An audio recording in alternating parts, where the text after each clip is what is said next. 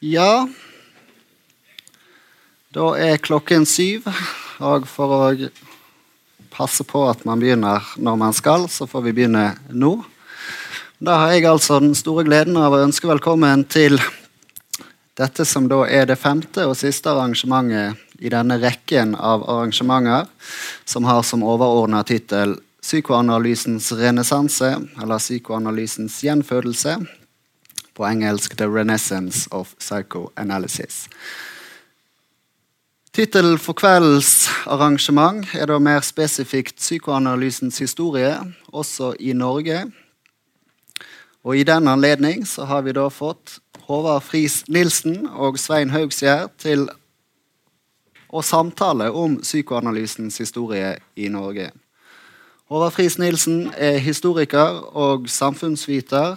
Um, med bl.a. en eh, master fra Université Louis Pasteur i Frankrike. Og da en doktor Filos fra Universitetet i Oslo over temaet da nettopp psykoanalysens historie i Norge, med tittel 'Resistance. Resistance in Therapy and War'. Psychoanalysis in Norway from 1920 to 1945. I tillegg til dette så er Friis Nilsen og stifter og har vært daglig leder av tenketanken forlaget Res Publica.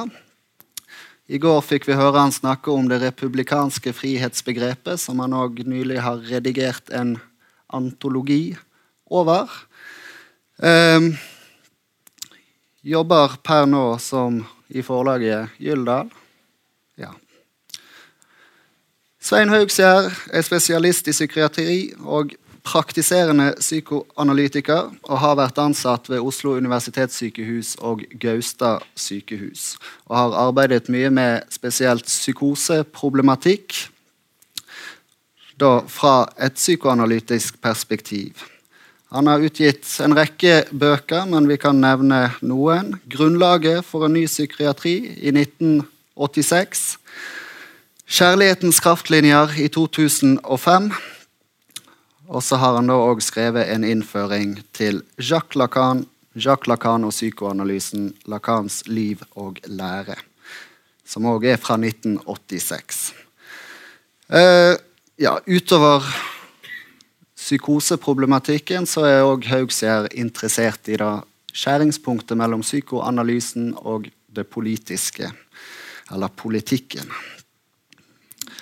Så vi skal da snakke sammen om psykoanalysens historie i Norge. Men før jeg slipper mine to kompanjonger til, så tenkte jeg jeg skulle si et par ord.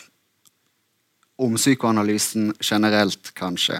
Det er nå 117 år siden Freuds 'Drømmetydningen' kom ut. Uh, og det er jo den, altså Freuds 'Drømmetydningen', som har lagt grunnlaget for det man i dag med en samlebetegnelse kanskje kaller for psykoanalysen. Uh, og med da Freuds grunnleggelse av psykoanalysen så får man òg en ny forståelse, eller kanskje en spesifikt moderne forståelse av hva det vil si å være menneske. Eller man får en forståelse av hva det vil si å være menneske i, i moderniteten.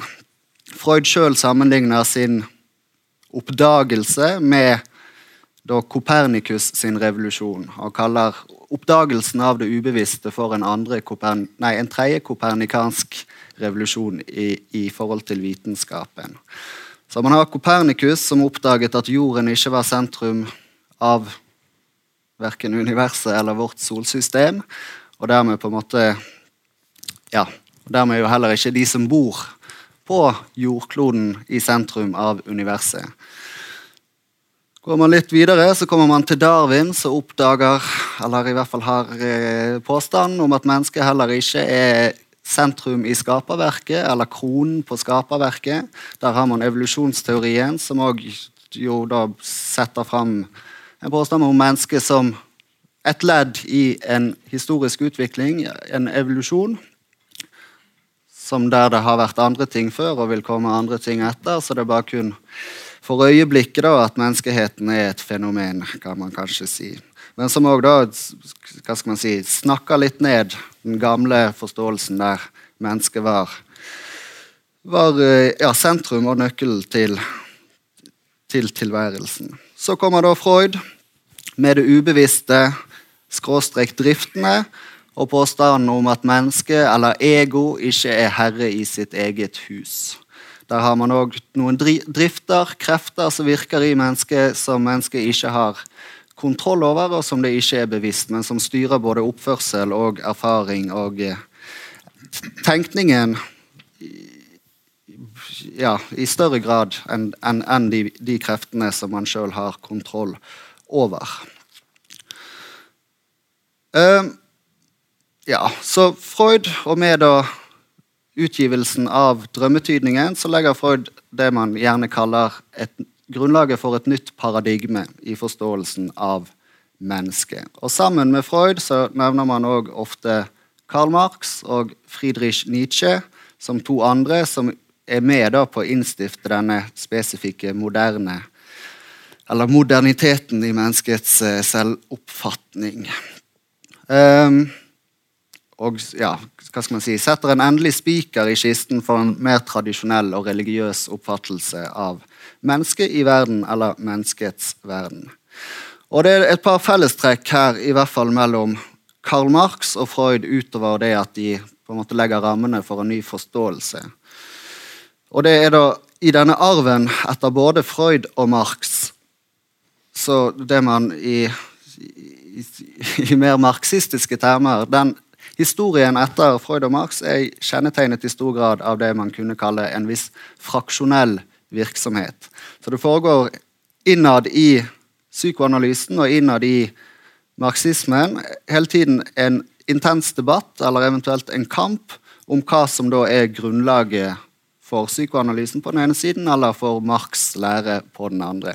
Så hva vil det si å være en eh, en ekte psykoanalytiker eller en ekte marxist? Eller i hvert fall, hva, vil, hva innebærer det å være trofast til Freud og Marx sine oppdagelser? Hva utgjør kjernen i Freud sin lære? Hva utgjør kjernen i Marx sin lære? Og Her fins det da veldig mange ulike svar og tilnærminger til, til nettopp det. Så psykoanalysen, i likhet med da marxismen, psykoanalysen sin historie er det man kunne kalle kanskje bruddets historie. Eller historien om historien som et brudd, eller en rekke brudd. Og For psykoanalysens del så begynner dette ganske tidlig. Allerede i 1911 så har man et første markant brudd der Alfred Adler bryter med Freud. Eller kanskje er det egentlig omvendt. Freud bryter med sin disippel eller elev Alfred Adler. I 1913 har man nok et brudd med Gustav Jung. Og siden den gang så har man hatt en rekke en serie med ulike brudd og nye skoledannelser og ulike versjoner av hva psykoanalysen er, eller skal, eller bør være. Og Disse bruddene de har òg hatt en innvirkning på hvordan psykoanalysens historie har funnet sted i Norge. Og med det som eh, overgang gir jeg ordet til Håvard Friis Nilsen, som kan si et par ord om Eller hvis man skal være kort og eh, konsis Det viktigste Et par hovedpoeng om historiens utvikling i Norge. Ja, Er jeg på her, egentlig? Jeg er på? Fint. Ja, jeg tenkte kanskje å starte med å si at i de årene som ehm, gikk fra 1980, da man fikk et veldig sterkt angrep på psykoanalysen verden over Du fikk det som kaltes en Freud-bashing. Altså Freuds smadring. Gikk løs, forskere gikk løs på Freuds vitenskapelighet eh, ut fra ganske sånn nypositivistisk eh, standpunkter. Men på samme tid så skjedde noe som var litt mindre påaktet. og Det var at det, det ble skrevet veldig mye om psykoanalysens historie.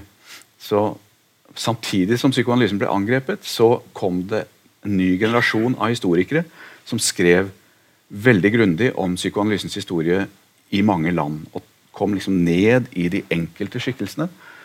Og, og, Det ble også gjort her i Skandinavia, men det var i liten grad skrevet om norsk psykoanalyses historie.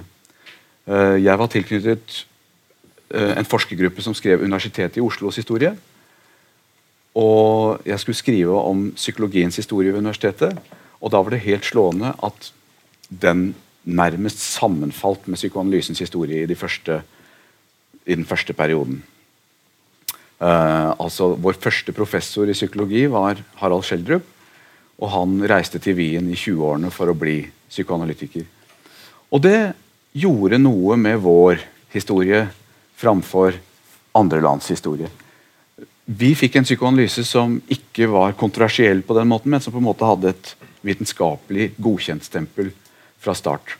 Eh, innført av en professor, og eh, etter hvert innført som en del av undervisningen ved universitetet. Så kan man spørre hvorfor er historikere opptatt av tema psykoanalysens historie? Virker den nå? Der, ja. Funker det? Nei. Det funker ikke. En gang til.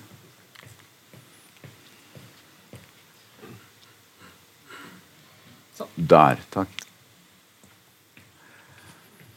Jo, det er jo bl.a. fordi psykoanalysen tar opp så mange ting på en gang. Det er ikke bare vitenskapshistorie, det er ikke bare psykologihistorie. Det er kulturhistorie, det er politisk historie. Du var inne på dette med bruddene. Det er jo, Psykoanalysens historie er en form for kirkehistorie. Det er den rette lære, ortodoksien, og avvik fra den rette lære, med nye grupper som stiftes i ulike land. Og I hvert eneste land har den skapt konflikt og fått fram noe av det lokale landets selvforståelse, identitetsspørsmål, politiske spenninger, øhm, kontroverser og som regel kulturpersonligheter som går i psykoanalyse. Det blir veldig fort en moteretning i de fleste land. Og det er gjerne en god porsjon offentlige personer, politikere, skuespillere, forfattere, dansere, som legger seg på divanen for å åpne sitt sjelsliv for analytikeren. Slik er det i alle land. Og dette gjør jo dette feltet til en ganske spesielt rik form for eh, integrert kulturhistorie og politisk historie på en gang. Og den norske er jo spesielt interessant på mange måter. Selv om den var fortrengt i lang tid, så har den norske historien sider ved seg som har fått internasjonal interesse nå. Bl.a. fordi nordmennene var faktisk det eneste nasjonale samfunn som var aktivt som helhet innblandet i motstandskampen under andre verdenskrig. De andre nasjonale samfunn hadde alle historier om forsøksvis tilpasning, uh, ligge lavt, sitte stille i båten eller, flyk, eller, flukt. Fæle historier, men i Norge så har I mange år lette man lenge etter Fins det virkelig ikke ett eksempel på litt mot i møte med nazismen? Uh, ikke bare triste historier om at enten blir alle sendt i konsentrasjonsleir, eller så prøver de å bli igjen og tilpasse seg. Og da var uh, Norge uh, et, av, et av veldig få eksempler. og så har vi det litterære. I alle land er det altså forfattere som, som blir interessert i psykoanalysen. Og i alle land får vi så skaper psykoanalysen et språk, en diskurs, som skaper en møteplass mellom forfattere og leger. Også, også i, i Norge. Her har vi Sigurd Hoel, eh, som var en av de første som ble interessert i psykoanalyse, og som reiste sammen med Harald Schjelderup til København for å møte Wilhelm Reich, som da var på flukt fra Tyskland. Vi har Agnar Mykle når vi nå er i Bergen. Um, han var jo han hadde Hoel som sin redaktør, og han var en av de første i Norge som utforsket seksualiteten i sitt forfatterskap, på samme måte som Freud utforsket seksualiteten i sine teorier. Og Mykle hadde jo et livslangt interesse, en livslang interesse for psykoanalyse. I hans etterlatte skrifter er det masse om hans egen analyse, hans egne møter med psykiatere og hans lesninger av Freud. Og, og Hoel og Øverland figurerer jo begge i romanen 'Sangen om den røde Tittelen er jo da Øverlands ord som flammer som en dolk gjennom rommet og blir stående som en kniv og dirre i veggen, og i skjeftet var det en rød rubin. Det er Arnulf Øverland, som var den andre av de store fanebærerne for psykoanalysen i, i Norge.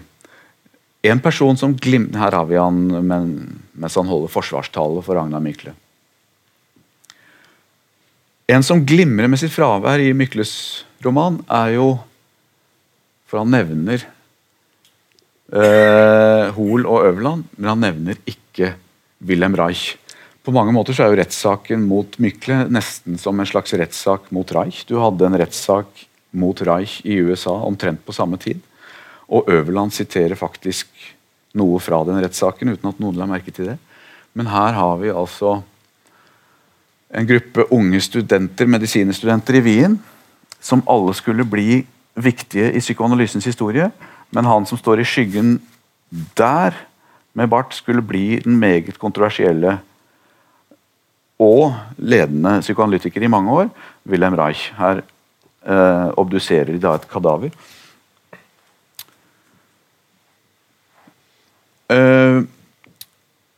De aller fleste i psykoanalysens historie har jo som regel vært jøder. Et unntak er Carl Gustav Jung, som var protestant, og som Freud nettopp uh, utnevnte til leder av Den internasjonale foreningen for å, fordi han nettopp da ville unngå antisemittiske angrep. Og nordmennene har jo en lignende bakgrunn. Mange av dem fra, har en kristen protestantisk bakgrunn, og de er ikke jøder. Med et par unntak. Dette er Harald Schjelderup, som er altså en superbegavet eh, student ved universitetet, da i fysikk. Og blir vitenskapelig assistent i fysikk universitetet og er en av de første som forstår å innføre Einsteins relativitetsteori i Norge. Han skriver også en avhandling i filosofi og får professoratet i filosofi i 1922 som den yngste professor i Norge gjennom tidene. 26 år gammel. Da han blir professor, så retter han øyeblikkelig all sin interesse mot psykoanalysen. Han føler at Freud er den andre store vitenskapelige revolusjonen i det 20. århundre etter Einstein. Og, og, han vil være den som, som, ikke bare innfører psykoanalysen i Norge, men som klarer å skape en bro mellom den vitenskapelige psykologien og psykoanalysen. Han skaper en norsk Han reiser til Wien og utdanner seg som psykoanalytiker. Og skaper en norsk gruppe psykoanalytikere rundt seg. Og hans profesjonelle mål er å skape en norsk forening innenfor den store internasjonale psykoanalytiske forening. Det ble et veldig dramatisk mål. Fordi Schjelderup mener at den vitenskapelig mest interessante av psykoanalytikerne på den tiden er nettopp Wilhelm Reich. Reich har sett noe som andre ikke har sett, nemlig behovet for å skape en empirisk, vitenskapelig basis for psykoanalysen gjennom å observere kroppsholdninger. Ikke bare snakke om drømmetydning eller det verbale eller det introspektive, men se på hvordan er egentlig kroppsspråket, hvordan er det fysiske utslagene, hvordan, er, hvordan responderer denne personens sentralnervesystem i løpet av terapien. Dette syns Schjelderup var fascinerende. Men Reich var på den tiden den mest kontroversielle i Den internasjonale forening fordi han var så uttalt kommunist i 1930-årene. Her har vi Schjelderups analytiker Edvard Hitchman på Den internasjonale konferansen i 1934. Her har vi Schjelderups elev, filosofen Arne Næss, som også gikk i analyse hos Hitchman og utdannet seg til psykoanalytiker. Um, selv om han aldri praktiserte. Schjelderup blir en del av det internasjonale ledende sjikt av psykoanalytikere og er på altså i det redaksjonelle rådet for de, internasjonale tidsskriftene til foreningen. Psykoanalysen var her som i andre land også en kvinneprofesjon. En profesjon som tidlig åpnet for kvinner. Og Nick Wall, Caroline Schweigård Nicolaisen, kalt Nick pga. Nicolaisen, senere giftet seg med Wessel Wall. Først var hun gift med Sigurd Hoel. Hun er en av de ledende kvinnelige psykoanalytikere i Norge. Også tett knyttet til Wilhelm Reich, og danner etter hvert eh, den første barnepsykiatri i, i, Norge, og et eget institutt. Bis, senere biskop Christian Schjelderup utdannet seg også som psykoanalytiker, i likhet med sin bror. Her ser vi brødrene Schjelderup, Harald og Christian, med ryggen til på den internasjonale konferansen i 1934 ved siden av Otto Fenichel, som også var Kom til Norge etter Hitlers maktovertakelse. Her ser vi Otto Fenichel og Ola Raknes, vestlending som i nyere tid har fått sin biografi 'Ord og orgasme'. Her sitter han i Wilhelm Reichs orgonskap utenpå. Um, og Anna Freud. Datter av Sigmund Freud, som etter hvert blir en ledende skikkelse i Den internasjonale psykoanalytiske forening. Og absolutt den som var mest skeptisk til Reich, og den som ønsket å få ham ekskludert fra foreningen. Hun ønsket ikke å ha psykoanalysen politisert. Hun ønsket ikke noen assosiasjon mellom psykoanalyse og marxisme. Og Det er da noe av bakgrunnen for at hun og Ernest Jones, som vi ser her til høyre, som ledende i Den internasjonale forening, ekskluderer Wilhelm Reich i 1934 på denne konferansen, akkurat der hvor Norge skulle få vedtatt sin, nasjonale, sin nasjonale gren under ledelse av Schjelderup. Og det blir jo nettopp da dramatisk fordi Schjelderup hadde tenkt på Reich som en, som en sentral skikkelse i den nye foreningen. Og den norske foreningen blir da kontroversiell helt fra start. Her ser vi Christian Schjelderup på konferansen med sigar. Og Harald Schjelderup og Wilhelm Reich med Nick Wall i bakgrunnen. Etter at de har forstått at Reich blir ekskludert. Så uh, det blir jo da en uh, sjelden dramatisk historie, men også historien om en gruppe nordmenn som helt fra tidlig på 30-tallet forstår mer enn gjennomsnittet i Norge av hva Hitlers maktovertakelse betyr, hva jødeforfølgelse betyr, og hva motstand mot nazismen innebærer. Det har jo vært en stor interesse for Jacques Lacan i Bergen i disse dagene. Her har vi et eh, og, og fransk psykoanalyse. Her har vi på kongressen i 1934 Wilhelm Reich til høyre i svart eh, skinnjakke eller regnfrakk. Ved siden av prinsesse Maria Bonaparte i samtale med Rudolf Löwenstein, som noen av dere kanskje vet, var analytikeren til Jacques Lacan.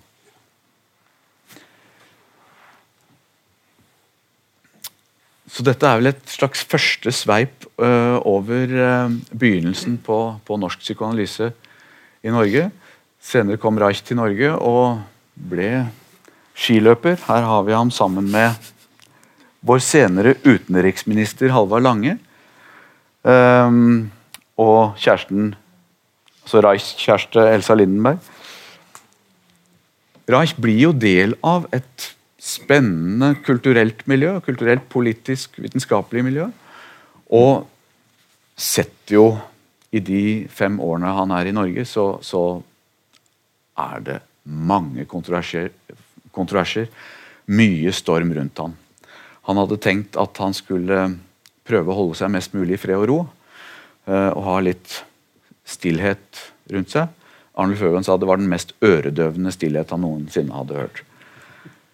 Det ble en pressedebatt omkring ham med hatske angrep med nesten 200 nyhetsinnslag i pressen.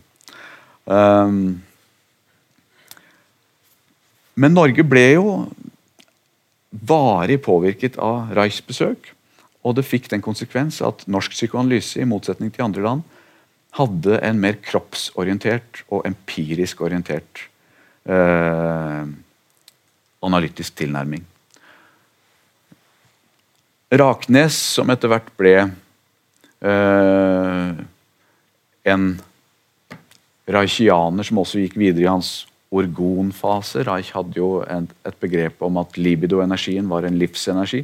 Det var for øvrig i likhet med Carl Gustav Jung. Uh, en livsenergi han kalte orgon.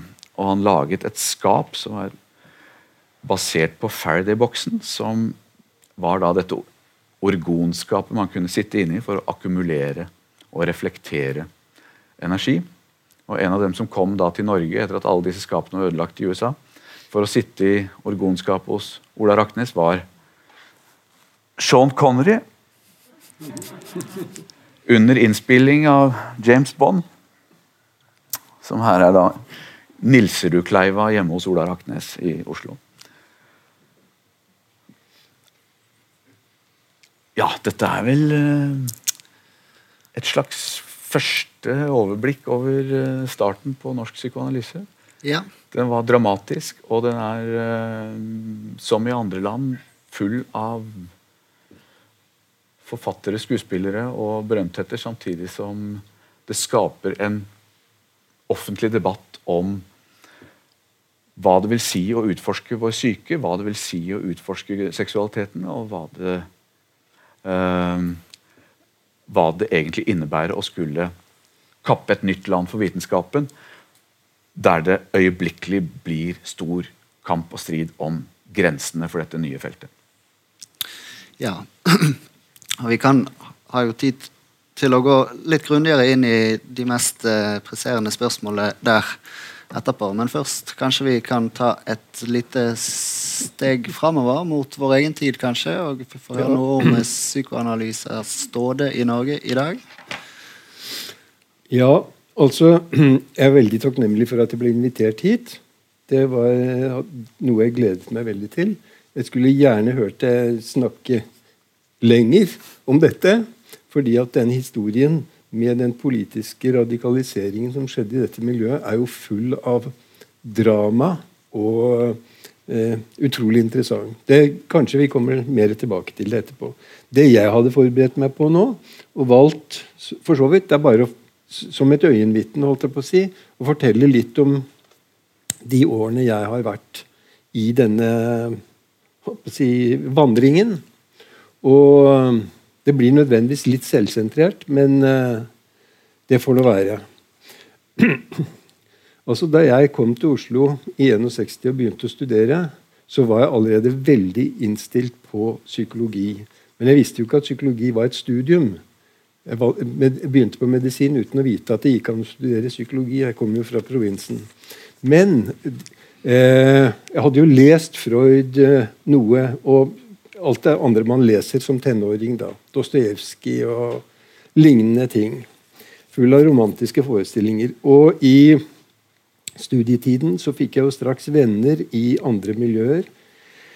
På filosofi gikk jeg på Heidegger et år. I psykologi gikk jeg hos Grennes som Sartre først, og så Merleau-Ponty. Jeg følte meg i det hele tatt veldig mye mer hjemme i det miljøet enn i det medisinske. Og blant de vennene på psykologistudiet som jeg da fikk og omgikk meg med, så var det i grunn tre Det var én fiende som begynte å komme opp, det var behaviorismen. Og så var det tre grener av dette psykoanalytiske treet, kan du si. Det var noen som gikk hos Raknes eller Erik Rønseth, altså den karakteranalytiske veien. Noen sverget til Institutt for psykoterapi, og noen til psykoanalyse. Psykoanalytisk institutt. Fordi at eh, Bakgrunnen for dette her var jo for det første at de som var aller mest Reich-orientert, de dannet jo sitt eget sånn som Raknes og Grønseth, sitt eget eh, opplegg, som etter hvert har blitt da I dag eksisterer det som karakteranalytisk forum. En av de fire eh, medlemmene vil jeg kalle det, i den psykoanalytiske familie i Norge. da. Ettersom den norske eh, psykoanalytiske foreningen eller miljøet ble ekskludert, som du fortalte, så ble det jo en kamp for noen om å bli reintegrert. Og da stilte IPA, som vi kaller det, International Psychoanalytic Association, strenge krav. De godkjente ingenting av det som var ikke noen av Schjelderups analyser eh, osv. Og, vi fikk importert da to amerikanske, eh, Fred Wyatt og Alberta Salita, egentlig polsk, eh, som skulle da hjelpe det norske psykoanalytiske miljøet til å bli ortodokst, kan du si. Og dette kravet om ortodoksi og formelle krav førte til at en gruppe på tre kandidater, Per Mensen, Einar Dannevik og Endre Ubelstad, meldte seg ut i 1961 og startet Institutt for psykoterapi. Så det eksisterer den dag i dag da, Norsk psykoanalytisk forening, som for øvrig nå har 98 medlemmer og ca. 30 kandidater. Institutt for psykoterapi, som har langt flere medlemmer. Men det er også fordi at det er en todelt utdannelse, altså to trinn og det foregår over hele landet, holdt jeg på å si, så er det da et karakteranalytisk forum. Og endelig må man jo nevne Institutt for gruppeanalyse, som Sigmund Karterud og venner startet, og det er snart 30 år siden. Så det er fire kan vi si, som alle har Freud i bunnen. Eh, men som har hver sin eh, Og der har det Eh, altså Det har sikkert vært mye rivalisering opp gjennom tiden, men det, det har jeg ikke tenkt å dvele med. Eh, men disse forskjellige eh, disse tre-fire eh, medlemmene av denne familien har på forskjellig måte påvirket norsk psykiatri generelt. Sånn at frem til ja, 1980-årene, som du sier, så hadde en viss sånn psykodynamisk, viss freudiansk, neofreudiansk osv. innflytelse på norsk psykiatri fra 1970 og fremover, særlig, som ikke kan sammenlignes med situasjonen verken i Sverige eller Danmark eller andre land. Som igjen henger helt sikkert sammen med noe med bakgrunnen i Schjelderup og universitetet osv. Vel, jeg valgte da først Institutt for psykoterapi fordi at mine filosofiske interesser hadde gjort meg skeptisk til Freuds eh, metapsykologi, for å si det enkelt. Men, så Der gikk jeg da i to år på slutten av studietiden og første tiden etterpå. Men jeg ble overbevist om at jeg var nødt til å velge den harde veien, som for meg var et psykoanalytisk utdannelse. Fordi at jeg følte at jeg sto i fare for å eh, stagnere som en som eh, leste bøker og skrev holdt på å si, ut fra det, men ikke fikk bearbeidet mine egne indre demoner i tilstrekkelig grad. Så Derfor valgte jeg da det. Um, det var jo også fordi at jeg så da på Ullevåls avdeling 6B, som Bråtøy i sin tid hadde ledet før vår tid, og som siden da ble overtatt av Herluf Tomstad. Der var jo Mange av legene var psykoanalytikere og psykologene, og de overbeviste meg om denne arbeidsmåtens uh, fortreffelighet, for å si det sånn. Um, I 19... Jo. Jo, det kan jeg si. Uh, siden dette med fransk psykoanalyse Nå må, du si fra jeg, jeg, at jeg ikke snakker meg helt bort. Altså uh, Ekri samt Pontalis après Freud kom ut i 1966. Og Nils Egebakk, dansk kulturjournalist, skrev om det i Dagbladet. Det gjorde meg interessert, så jeg kjøpte da disse to bøkene og forsøkte med meget svake franskkunnskaper å lese gjennom dette. her. Her lykkes med å oversette det korteste av essayene, nemlig 'Science et vérité' i Ekri den gangen. Og så hadde jeg noen korte turer til Paris, eh, bl.a. i mai 68, helt tilfeldig, sammen med tre venner. Og da skulle vi høre på Lacan, vi skulle høre på Roland Barth og på Lucien Goldman. For det var litteratur og sosiologi og litteratur de andre studerte. Så da opplevde vi å se dette spetakkelet med, med Lacan i fri utfoldelse. Og jeg fikk nå er jeg fare for at jeg fikk også beskjed om at han vil sikkert gjerne han, Hadde du vært eskimo, hadde han vært ellevill. Han har ikke snakket med noen nordmann, så hvis du vil, kan du få komme bort til han. Du må bare forberede deg på at han kommer til å trekke deg inn til seg og si Mon, mon ami, que pensez-vous de mon œuvre? Det spørsmålet var jeg ikke forberedt på å takle, for å si det sånn.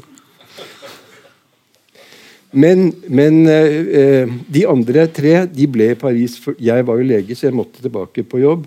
Men de andre ble i Paris en stund, og jeg tok noen korte turer der.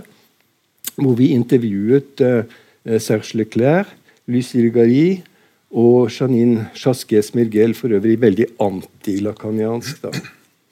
Eh, så dette her med, med Lacan, den franske psykoanalysen, det, det talte veldig til meg. Men Eh, på den annen side er det noe jeg aldri har greid å gå inn i på den måten. Jeg var ikke forberedt, sånn som Kjell, å reise til Paris for å underkaste meg analyse hos Miller f.eks.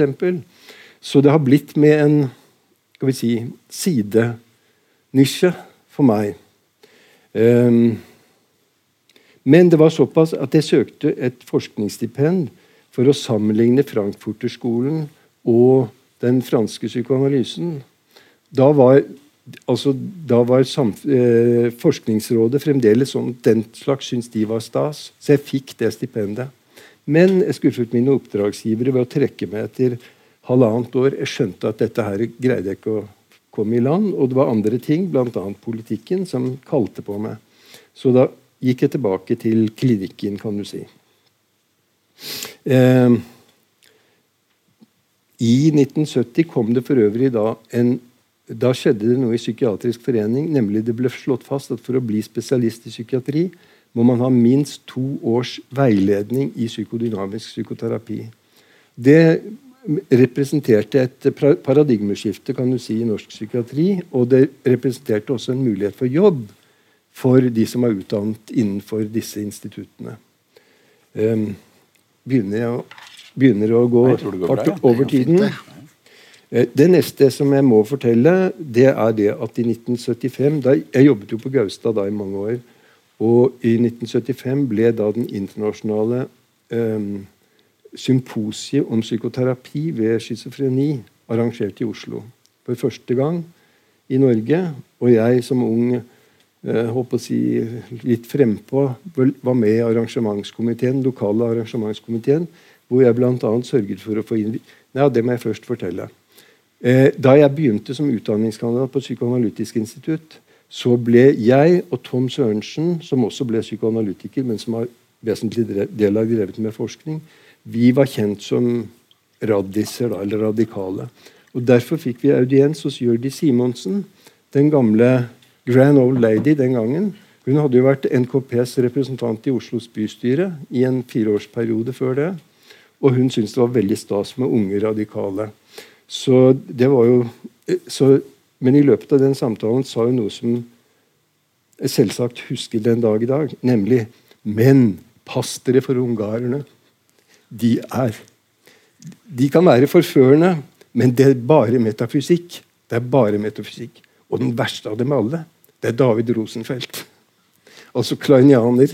I, fordi at Da hadde jo eh, striden mellom Melanie Klein og Anna Freud utspilt seg under krigen i England og påvirket det norske miljøet veldig sterkt. Sånn at kleinianere, her kalt ungarere, var, var da fienden sånn, sånn, sett.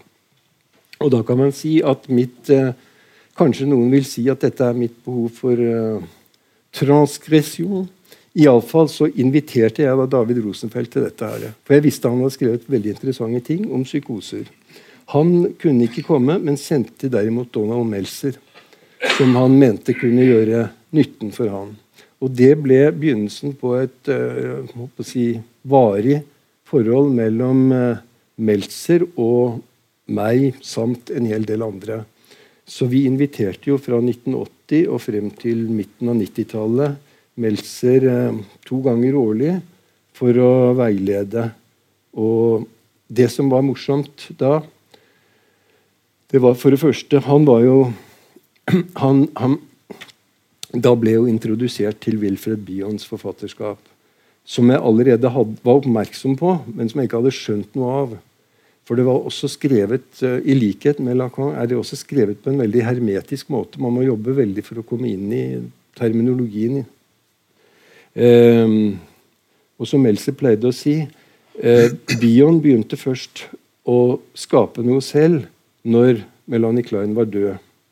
Og selv Mor var død da, på en måte. Og selv kunne ikke Meltzer heller bli virkelig kreativ før Bion, hans mentor, var død. Og eh, Bion døde jo i 1970. Eh, nei, om forlatelse. Si, eh, 79. Unnskyld. 79. Da skrev jeg for øvrig en, en, en, kronikk i Dagbladet. Man skrev jo i Dagbladet i gamle dager. Eh, om, om, Lacan. Og da fikk jeg høre fra min veileder i Psykoanalytisk forening altså Den som bruker tiden på sånn tull, å skrive om denne notoriske, jålete bråkmakeren, han har ikke noe i psykoanalysen å gjøre. Jeg fikk et tommel ned. Og i det hele tatt, hele min utdanningstid så følte jeg nok at jeg var obsternasi og kontroversiell. Hvem var veilederen? Nei, det vil jeg ikke si. Nei, jeg merket det. Jeg kan si det til deg etterpå. men, eh, nei, men jeg tror det var en alminnelig oppfatning iblant altså, det, Dette her med nye ideer er veldig provoserende.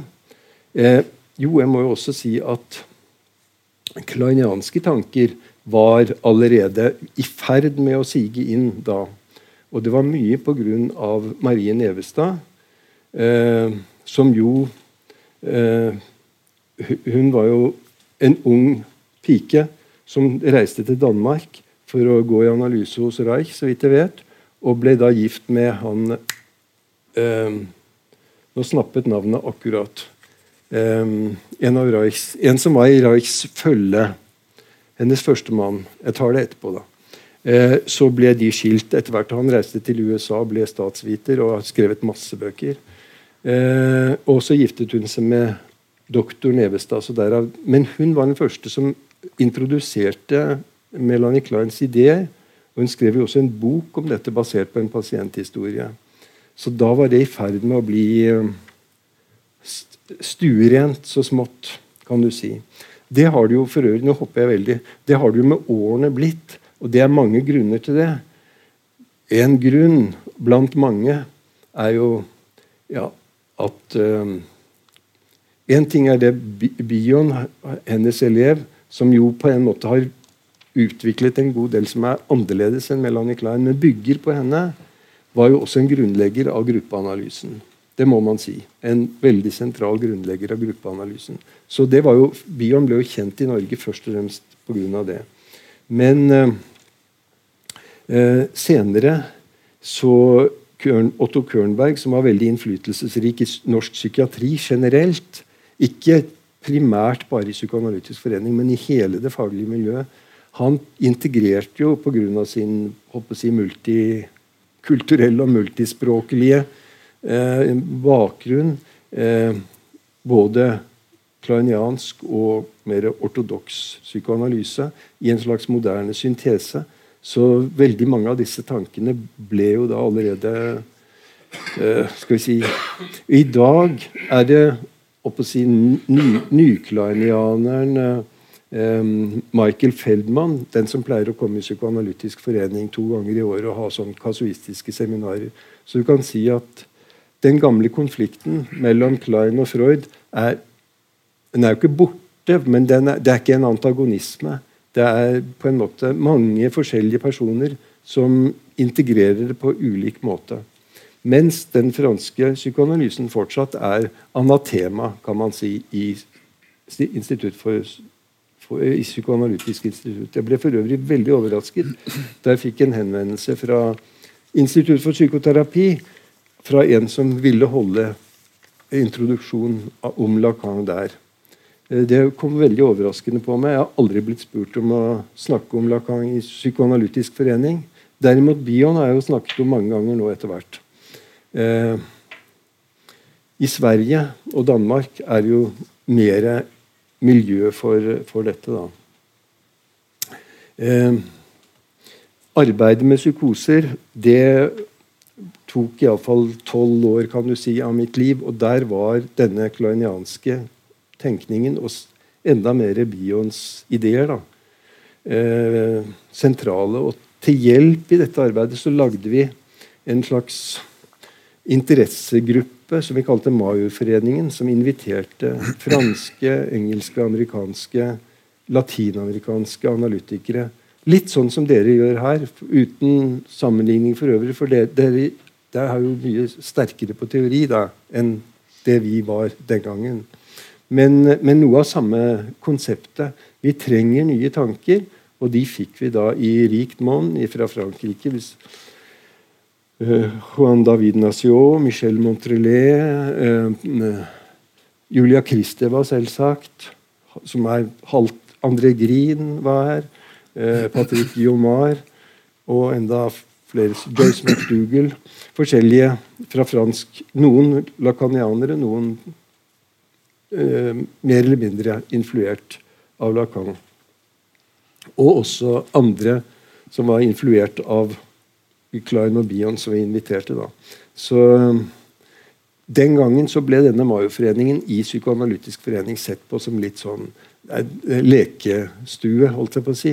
Og var, De fleste som kom dit, var jo også unge psykologistudenter. Noen av dem i dag er blitt psykoanalytikere. da. En, faktisk en god del av dem. Men den gangen, men det var litt sånn som Reich og Fenikel, som drev sitt Kinderseminar i Berlin. Det var jo også, Den gangen var de jo så unge når de ble ferdig psykoanalytikere. Så de var jo i begynnelsen av 30-årene når de ledet disse her seminarene som alle de norske som var der nede, gikk på. Eh, tre, jeg vil nevne tre ting som eh, hvor, som kanskje ikke er eh, så veldig Hvor vi har hatt noe å si for uh, psykiatrien generelt. Det, var, det ene var uh, den lobotomisaken. Uh, når Joar Tranøy ville grave i norsk psykiatris historie når det gjaldt lobotomi. Da var jeg og Per Risdal med i ledelsen på Gaustad en kort og kontroversiell periode. Og sykehuset var jo egentlig veldig imot å gi han tillatelse for Tranøy, var kjent som en meget skarp psykiatrikritiker, kan man vel si. Men, eh, men, vi gikk da utenom ledelsen på sykehuset og så gikk vi direkte til helsedirektøren, som den gangen var Mork, og sa at dette må undersøkes. Det, men vi kan ikke gjøre det. Dere må, dere må, kreve det av oss at dette blir undersøkt. Og Dermed så fikk eh, Trane tilgang til dette her, og jeg var selv også med og plukket ut og leste gamle journaler. og og det skandaløse, kan du si En av de skandaløse tingene ved psykiatriens historie ble da eh, ja, kom på bordet. En annen ting som nå, Dette høres kanskje litt skrytete ut, men altså eh, Breivik-saken, altså massemorderen fra Utøya eh, Der var nok sånne som Johan Kullberg i Sverige, han slo det jo veldig stort opp.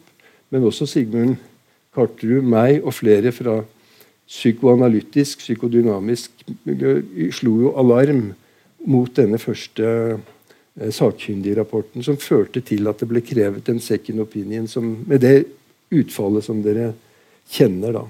En tredje ting som ikke er fullt så ærerikt, kan du si, var at jeg var også en kort periode med i styret i Norsk Psyko psykoanalytisk forening. Det var rundt år 2000. Da fikk vi en henvendelse fra to aktivister, kolleger, aktivistkolleger i psykiatrien, kan du si, som avkrevet vår forening en uttalelse om hvordan man stilte seg til homofili. Og hvorvidt det var mulig for en homofil å bli tatt opp som kandidat på Psykoanalytisk forening. Og Det husker jeg var en meget ubehagelig eh, ting, fordi at noen av oss tenkte jo som så dette må, vi må bare, dette må vi ta på alvor. Og Det ble tatt på alvor i den forstand at det ble invitert en eller to amerikanere som var psykoanalytikere og som var homofile, for å holde foredrag. Men den uttalelsen som vi kom med, var meget vassen. Den gikk ut på noe sånn som at psykoanalytisk, til psykoanalytisk utdannelse eh, diskriminerer vi ingen på bakgrunn av kjønn eller seksuell legning. Men jeg visste jo at det faktisk ble gjort. Jeg hadde en venn som fikk avslag Nettopp med den begrunnelse at han ikke hadde gjennomarbeidet sin, sitt ødipuskompleks, som det komisk nok den gangen ble kalt. Så det var en uh, Dette er kanskje ikke alminnelig kjent, men jeg syns det er grunn til å nevne det. For det, er jo sånne ting som er uh, For øvrig, der har jo også den i vår forening som har hatt størst betydning internasjonalt, det er jo Sverre Varvin. Dels fordi at i 1980 så eh, ble det angloamerikanske hegemoniet når det, i IPA brutt.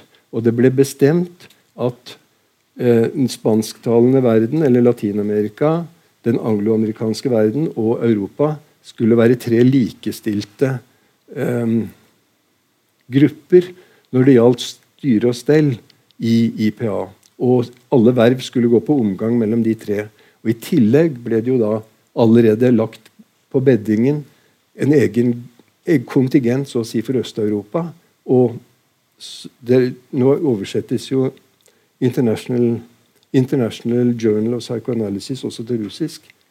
Og det er russiske eh, sånne summaries etter alle artikler. Og det neste vi venter på, at det kommer på kinesisk.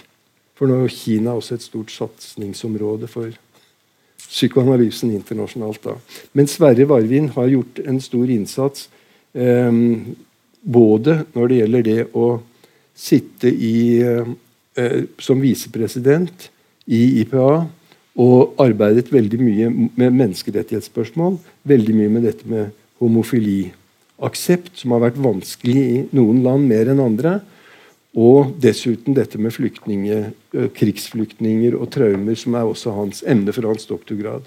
Det er En god del av våre medlemmer har jo tatt doktorgrad etter hvert. Det vil føre for langt å nevne alt dette, men denne akademiseringen kan du si, har nok alt i alt ført mer godt enn vondt med seg hittil for det psykoanalytiske miljøet. Det er blitt eh, forskning noe det er noen som er psykoanalytiker, men som har forsket på mer generelle psykiatriske temaer, psykologiske temaer. Men noen har jo også forsket direkte på ting som er relevant for psykoanalytisk behandling. Um, ja. Nå tror jeg jeg er redd det nærmer seg avslutningen på min tid. Uh, du sa, det var jeg glad for, at jeg var interessert i politikk. Det, dette med Ingen har vel vist det så klart som, eh, som Lacan en, og hans miljø. Da. Hvordan identifikasjoner sitter veldig dypt. Og trofasthet, apropos Badiou, er en Det er både en dyd og en udyd, kan man si, i forskjellige sammenhenger. Så for meg har dette med det altså Jeg har vært veldig begeistret for den, den norske psykoanalytiske historien også fordi at det er så lett å sympatisere med disse personene som med sitt eget liv, eller iallfall sitt eget renommé som innsats, sin egen karriere som innsats, tok standpunkter både før krigen, eh, det, i når Reichs og Fenikels eh, tilfelle, og under krigen. Eh, og i dag er det, det er, i, i en forsamling som dette her er jo heldigvis veldig veldig åpent for nettopp å peke på at psykoanalytisk eh, tenkning også kan anvendes på politiske situasjoner. Sånn som, eh, sånn som vi har fått flere eksempler på her i dag. og i nå leste jeg meg litt opp og ble veldig begeistret for uh, altså Zizek og Badiou er jo to si, universer i seg selv, med, med men jeg vil anbefale de som er interessert, også bøkene av Stavrakakis. Uh, The Lacanian Left og Lacan and Politics. Og den nye boken av uh, Tomitz og en annen dame, en dame fra Balkan eh, som heter noe sånt som eh, Lacan, Psychoanalysis and Marxism. Som har noen veldig interessante, veldig fine essays. Og hvor eh, hvor det som eh, Kjell Solheim eh, foredro i sted, er, går veldig godt inn. Så jeg kan jeg, jeg, tror jeg vil avslutte med å si at eh, nå, nå, har jeg håper å si, skrevet et slags mer snevert uh, faglig testamente som uh, går i trykken om ikke så lenge. Men jeg ønsker da også å ta fatt på noe som har mer med psykoanalyse og samfunn å gjøre. Og foruten da denne, denne franske tradisjonen, som nå er blitt veldig internasjonal, så er jeg veldig inspirert uh, spesielt av David Harvey, som er altså samfunnsgeograf i New York, kanskje kjent for mange, som har en veldig flott uh, skal vi si, tenkning om hvordan i dagens uh, globaliserte og finansialiserte kapitalisme, hvor hele verden er ett i en viss forstand, men nettopp derfor også segregerende. hvordan interaksjonen mellom teknologi, eh, livsformer, mentalitet, eh, byplanlegging, forhold til naturen, eh, statlige og overnasjonale Men institusjoner. Men går vi litt vekk fra psykoanalysen igjen. Da går vi vekk fra psykoanalysen. Ja. Det, gjør, det gjør vi. Men jeg tenker, tenker, at ved å ta det der som og, eh, pe, Han peker på mange forskjellige ting hvor det går an å ha et psykoanalytisk blikk på hva er skjeb, altså skjebnen for, for, Eller hva er utfordringene for subjektene, som det heter nå i denne sammenhengen?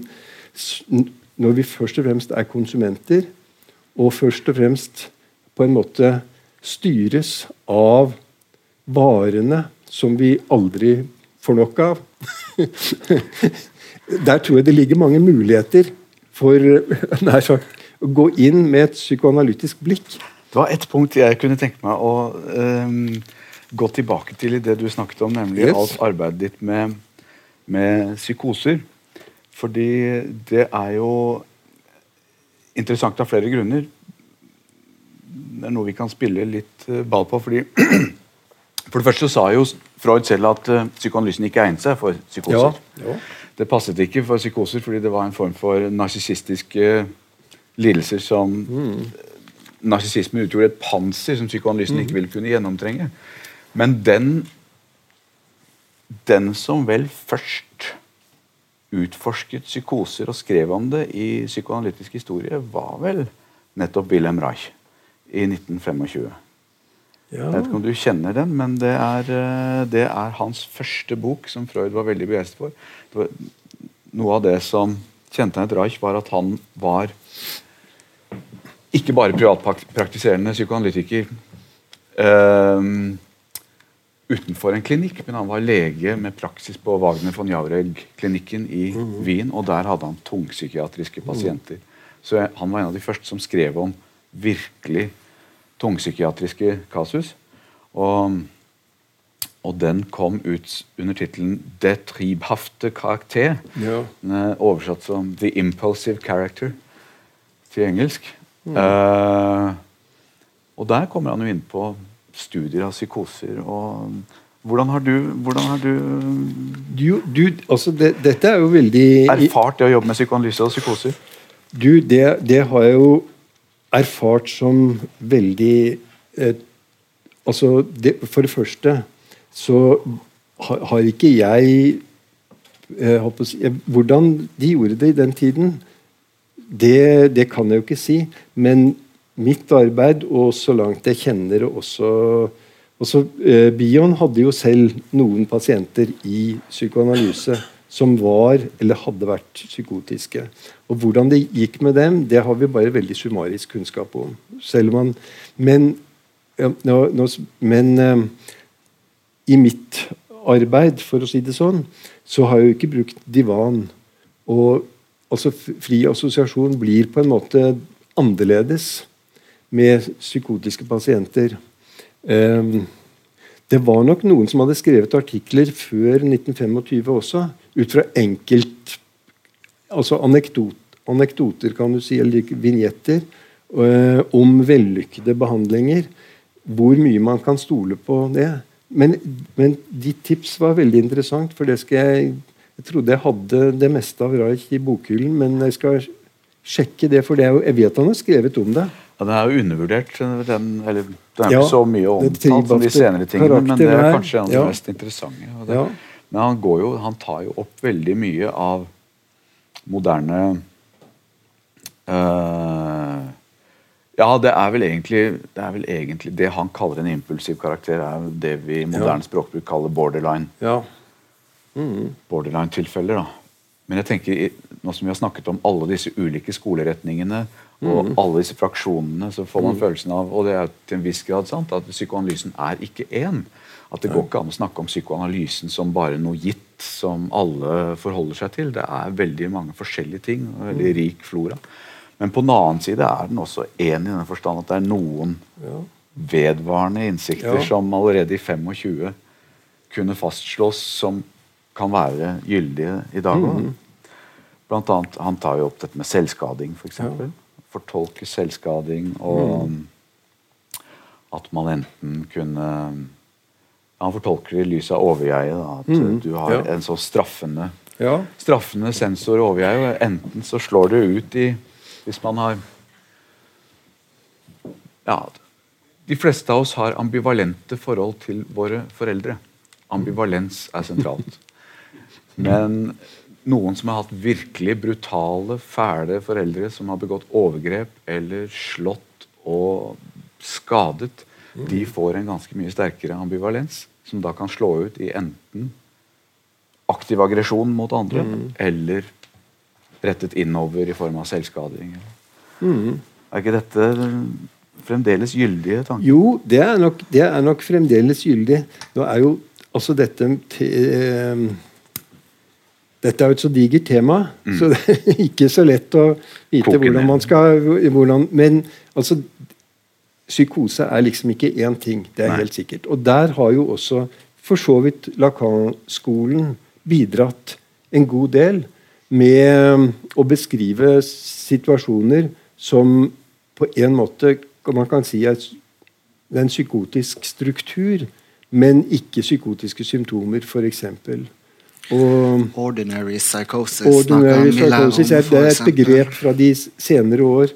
Eh, men det begynte jo allerede med Nå hopper jeg kanskje fra Reich til Lacan, men hans doktorgrad var jo på denne eh, Marguerite Ancieux, som hun egentlig het, kalt ME. Som også var en I dag vil vi kalle det en paranoid psykose. Det som hun eh, led av. Men eh, han greide jo å vise hvordan dette her var psykologisk forståelig, og, at det hadde å gjøre med rivalisering og um, idealisering. En, en ung pike som eh, hadde store ambisjoner, kom fra fattige kår, som hatet sin egen familie, hvor hun også ble dårlig behandlet, og idealiserte andre, som førte til at hun til slutt gjorde et mordforsøk på en berømt skuespillerinne og ble innlagt. Og var da Lacans pasient i fem år. Og senere mor til en kjent psykoanalytiker.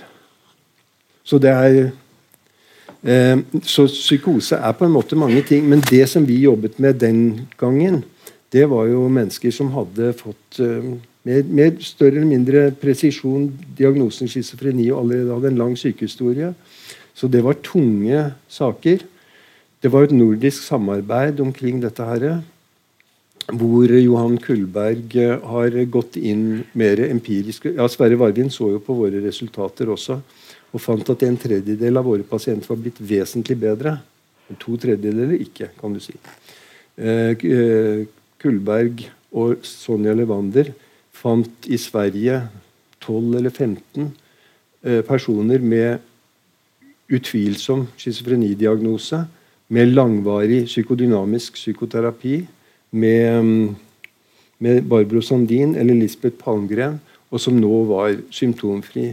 Og To av dem har jo møtt, og den ene er praktiserende psykolog og familiemann i dag.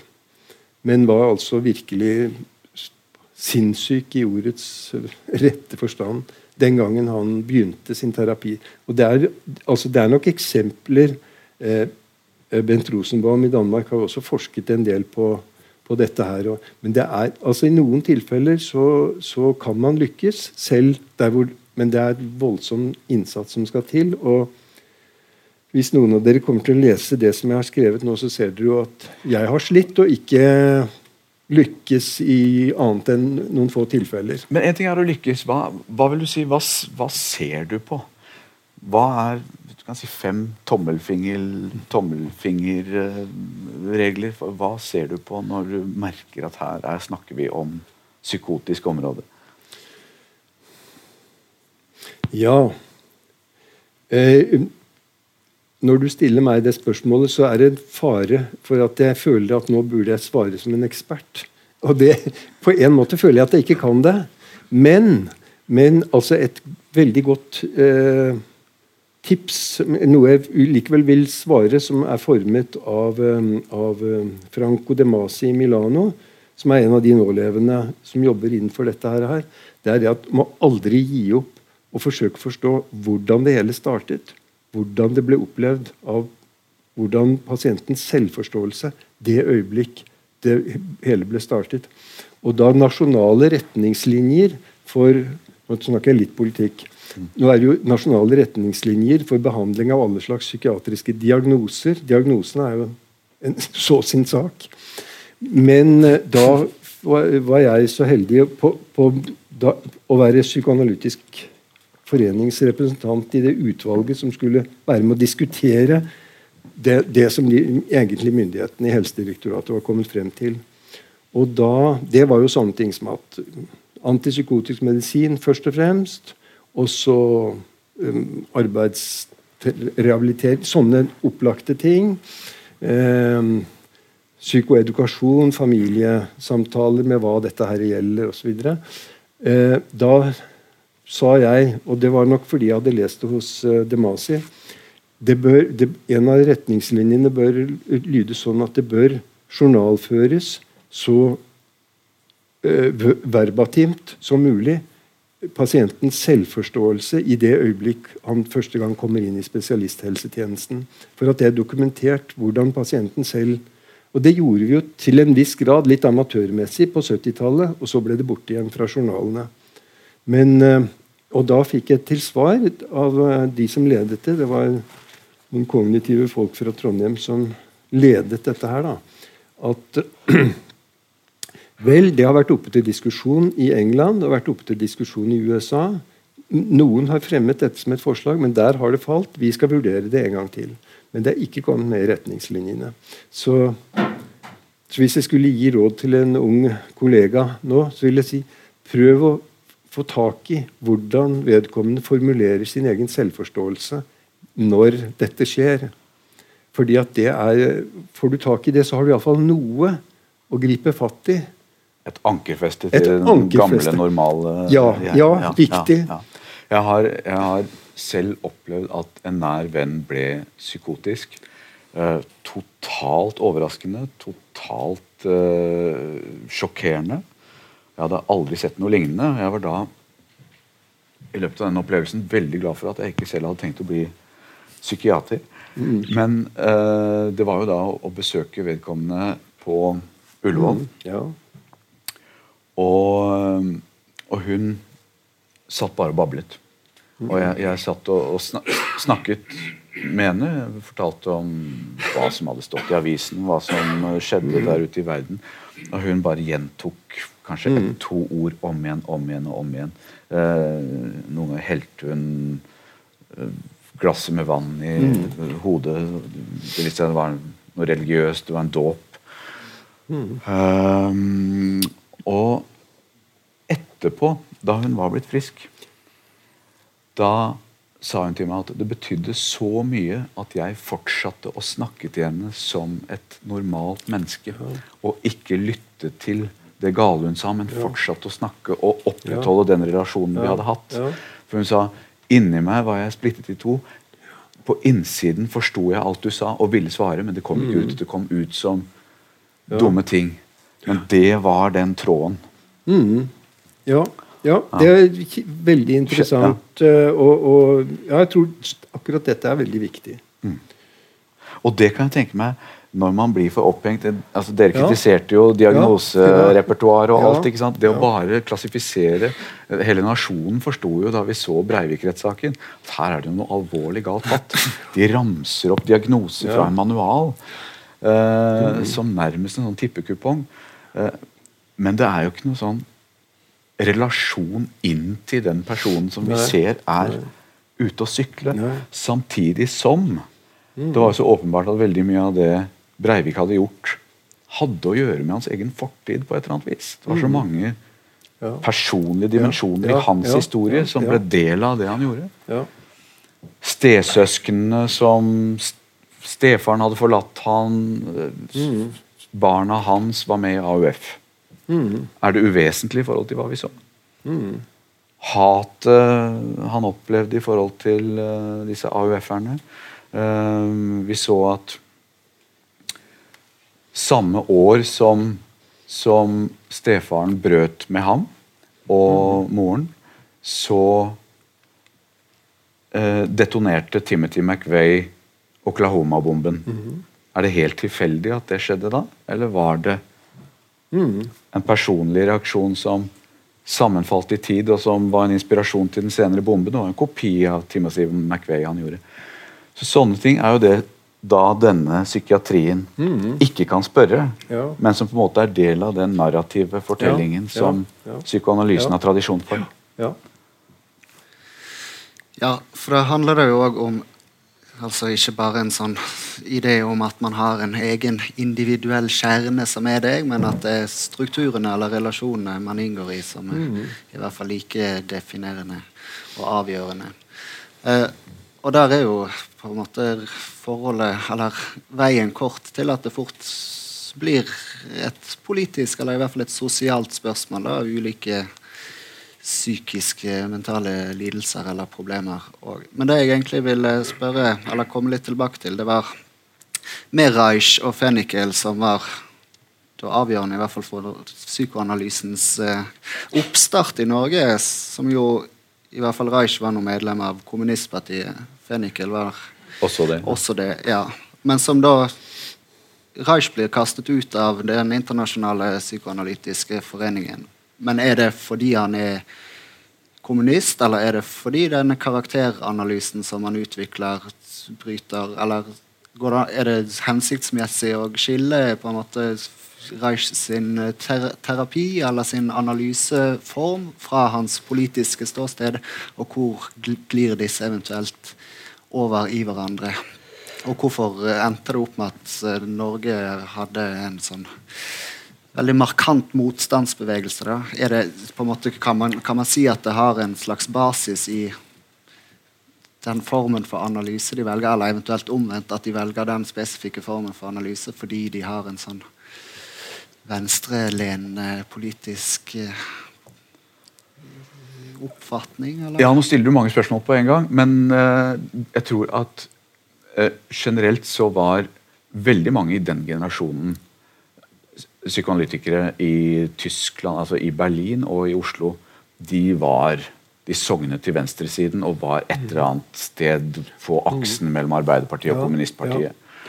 Og mm, øh, en, øh, Enighet miljø var jo senere forbundskansleren Willy Brandt, som kom og, og var i kretsen rundt Reich. altså Willy Brandts kone var Reichs sekretær.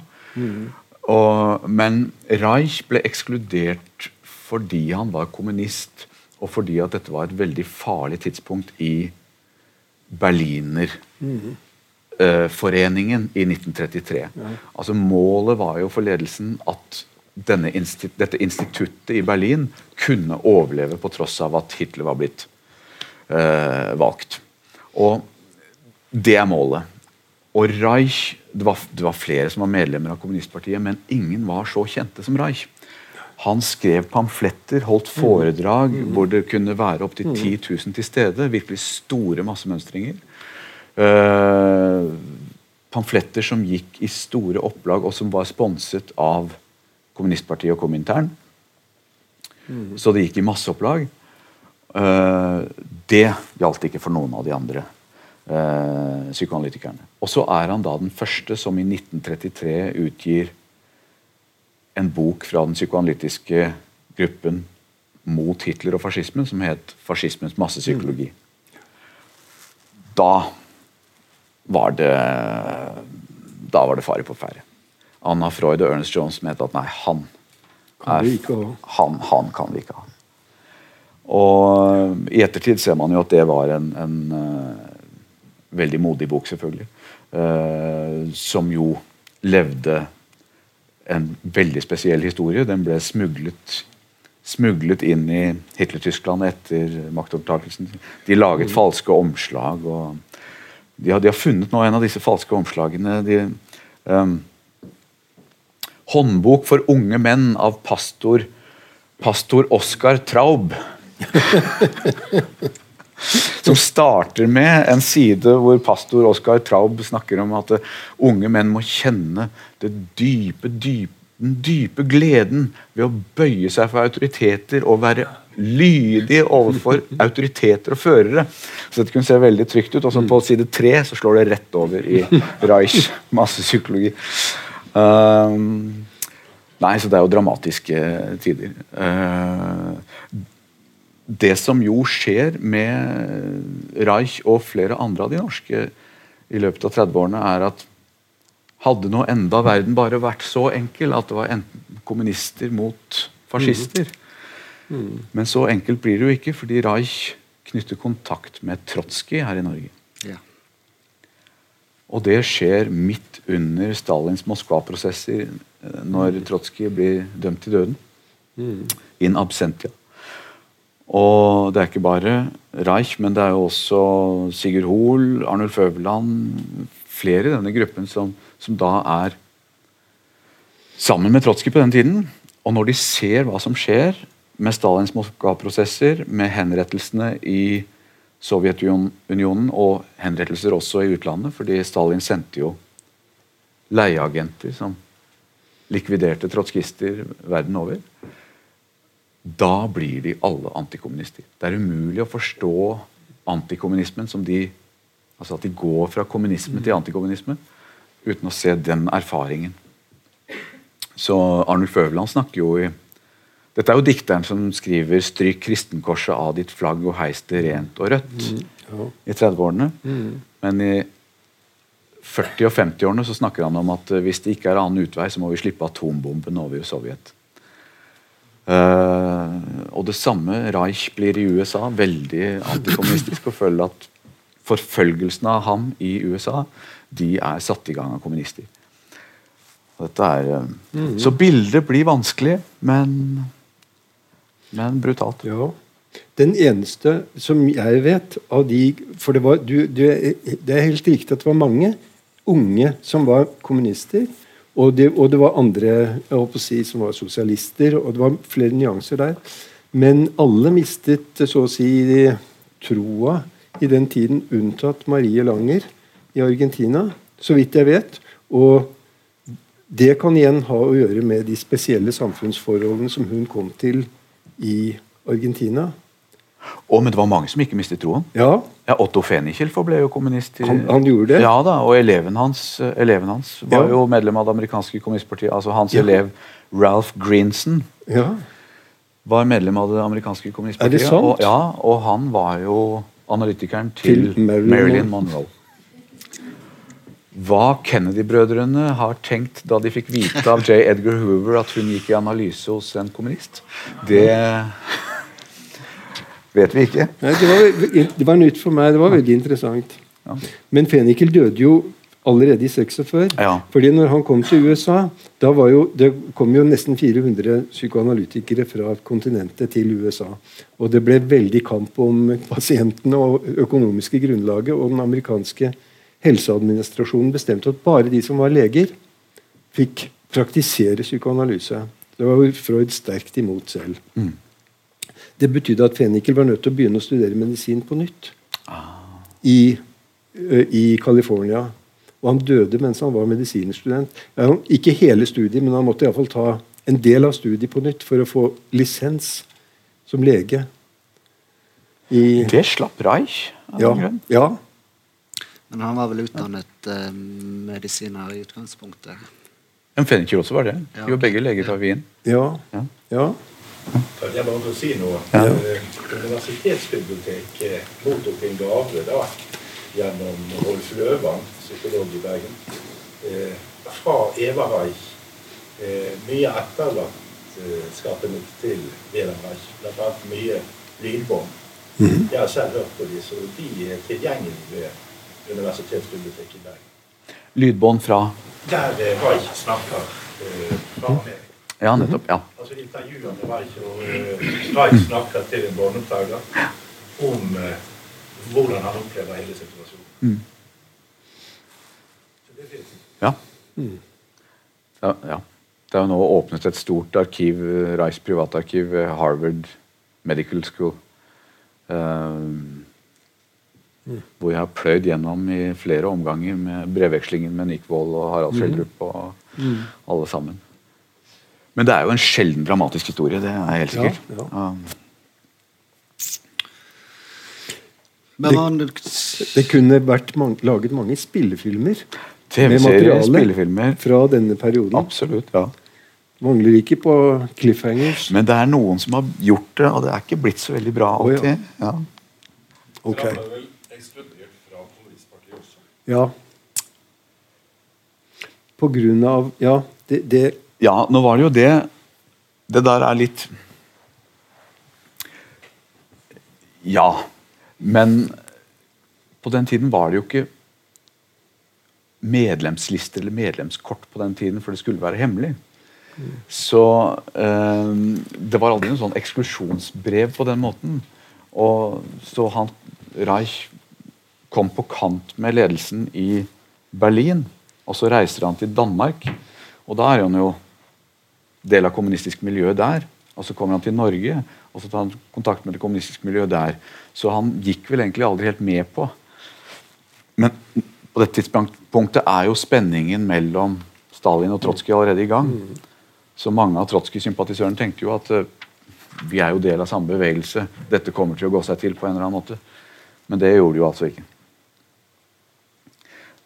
Men dette bruddet, at han på en måte brøt med kommunistpartiet i 1933 får aldri å se seg tilbake, det er en slags myte. For han fortsetter å ha føle seg som kommunist inntil Moskva-prosessene, og da er det over. lurer på om vi skal kanskje tenke på å begynne å avrunde, i hvert fall. Er det noen eh, punkter man eh, har eh, glemt å ta med som man absolutt burde nevne når det gjelder norsk psykoanalytisk historie? Jeg tenker på spørsmålet om hva er det som er med alle disse fraksjonene og retningene i psykoanalysen, er det en kjerne som, som på en måte man ikke kommer unna? altså Noe som er felles for alle? Det var en englender som sa at psykoanalysen har egentlig fått et, et dumt navn. Det er ikke snakk om psykoanalyse, det er snakk om overføringsanalyse. Det er analyse av overføringsrelasjonen. At dette her med de bond, måten vi skaper bånd og relasjoner til andre på, Ja. er det som er kjernen. Vil du være enig i det? Når du forklarer det sånn som du gjør, så tror jeg jeg vil være enig i det. Samtidig som begrepet overføring har jo også blitt dratt i ulike retninger. Ja. Sånn at det er jo um, Lett skal det ikke være. Nei. Nei, lett skal det ikke være. At overføring eksisterer ikke. Hvem er det som har skrevet det nå nettopp? Jeg tror det var Jeg har lest ehm, en som heter eh, eh, Thomas Svalos og Kinney. Jeg har lest to sånne Lacan-bøker, helt ferske Lacan-bøker, og en av dem diskuterer dette her. Men det er jo igjen er det da dette spørsmålet hva, hva betyr ordene, og hva lar man dem bety? Så altså den typen eh, neokleiniansk veiledning som vi får nå, der vil de absolutt være enig i det. At det er overføring uh, total transference here and now. Og det går jo veldig mye på detaljer. Litt for mye for min romantiske legning. Men, men, eh, men Nei, det, det, det kan man absolutt si, fordi at selve ordet psykoanalyse er jo er jo en eh, Valget ja, valget det må iallfall ses i en, sin historiske kontekst. Og um, den gangen hadde det en uh, um, Det skulle være en analogi til en kjemisk analyse, rett og slett. Hvor enkeltelementene, de psykiske elementer, skulle Og det er jo det er jo en, en, en måte å se det på som vi vil se med litt historisk kritiske øyne i dag. Men at det er mange dialekter og mange måter å snakke om psykoanalyse på, og hva er det som gjør det eventuelt til en enhet, bortsett fra at man på en eller annen måte fører Linjen tilbake til linjen tilbake til Freud, og da forskjellige Det kan man jo spørre om. Um, et stort sånn tysk eh, forskningsprosjekt om behandling av alvorlig depresjon, som er et digert eh, prosjekt der hvor de skal sammenligne kognitiv terapi og psykodynamisk terapi, kalles det der. Der har de den enkle definisjonen at det skal ha den og den uh, hyppighet og den og den varighet. Og overføring og motoverføring skal drøftes, vurderes fortløpende i løpet av behandlingen. Mens det som teller for, uh, for kognitiv terapi tilsvarende, det skal være at det skal være bestemte suksessmål og det skal være hjemmelekse mellom timene. Så så enkelt har de, Dette er for å få forskning da, med over 1000 terapeuter med på det. Så har de lagd det så enkelt. Hvor mange i salen er det som ikke aner hva ordet overføring betyr? Det var selvfølgelig vanskelig å rette hånden i været på det. det er ingen av disse da, da, går vi ikke mer inn på det. Nei, Nei men uh, ja. Men de, altså den måten du nå forklarte det på, lar seg lett forene med den franske psykoanalytiske tradisjonen, og også, den, også egentlig den eh, kleinianske Ja, det er egentlig det meste. Men hvor likevel er det jo stor forskjell på Noen insisterer jo veldig på at det er den frie assosiasjon i seg selv som er det helt avgjørende, mens andre insisterer på at det, er, det har ingen verdi alene. Det må den fortløpende si, drøftingen av overføringen der, André... Norske tradisjonen var lite opptatt av fri assosiasjon og av drømmetyding. Ja. Lite til stede i ja. Norge. Ja. Mens, uh, mens, det med overføring var jo sterkt til stede. Ja, ja, og motstand. Ja, motstand. motstand. Ja. ja eh, det er kanskje man kan stille spørsmålet om hvis det er overføring som er det på en måte samle begrepet Eller det er i hvert fall Man kan ikke drive psykoanalyse uten overføring, men all, alle, alle, situasjoner der overføring finner sted, vil jo ikke nødvendigvis være psykoanalytisk av den grunn. Nei, forelskelser og Ja, for eksempel. Ja. men ja, kan vel belyses fra et psykoanalytisk perspektiv. men... Ja, det er klart det går an å, På hverdagslivet så går det jo an å anlegge det som et perspektiv. Men eh, det er jo en risiko ved å, ved å, gjøre det også. Det er jo noe av det som gjør psykoanalysen spennende. Da, at den tar som utgangspunkt, I stedet for å snakke om reaksjonstider på ja. stimuli, og sånn, spør hva er det egentlig som skjer når vi blir ja. forelsket. Ja. Hva er det som skjer når vi føler vennskap, mm. eller mm. at noen virker kjent, at noen er del av og, ja, ja. Den personen har jeg lyst til å knytte til meg. Mm. Eller Nei, søren, han skuffet meg, han må jeg mm. mm. bli kvitt. Mm. Uh, det er Å ta det som utgangspunkt, mm. det gjør det jo ganske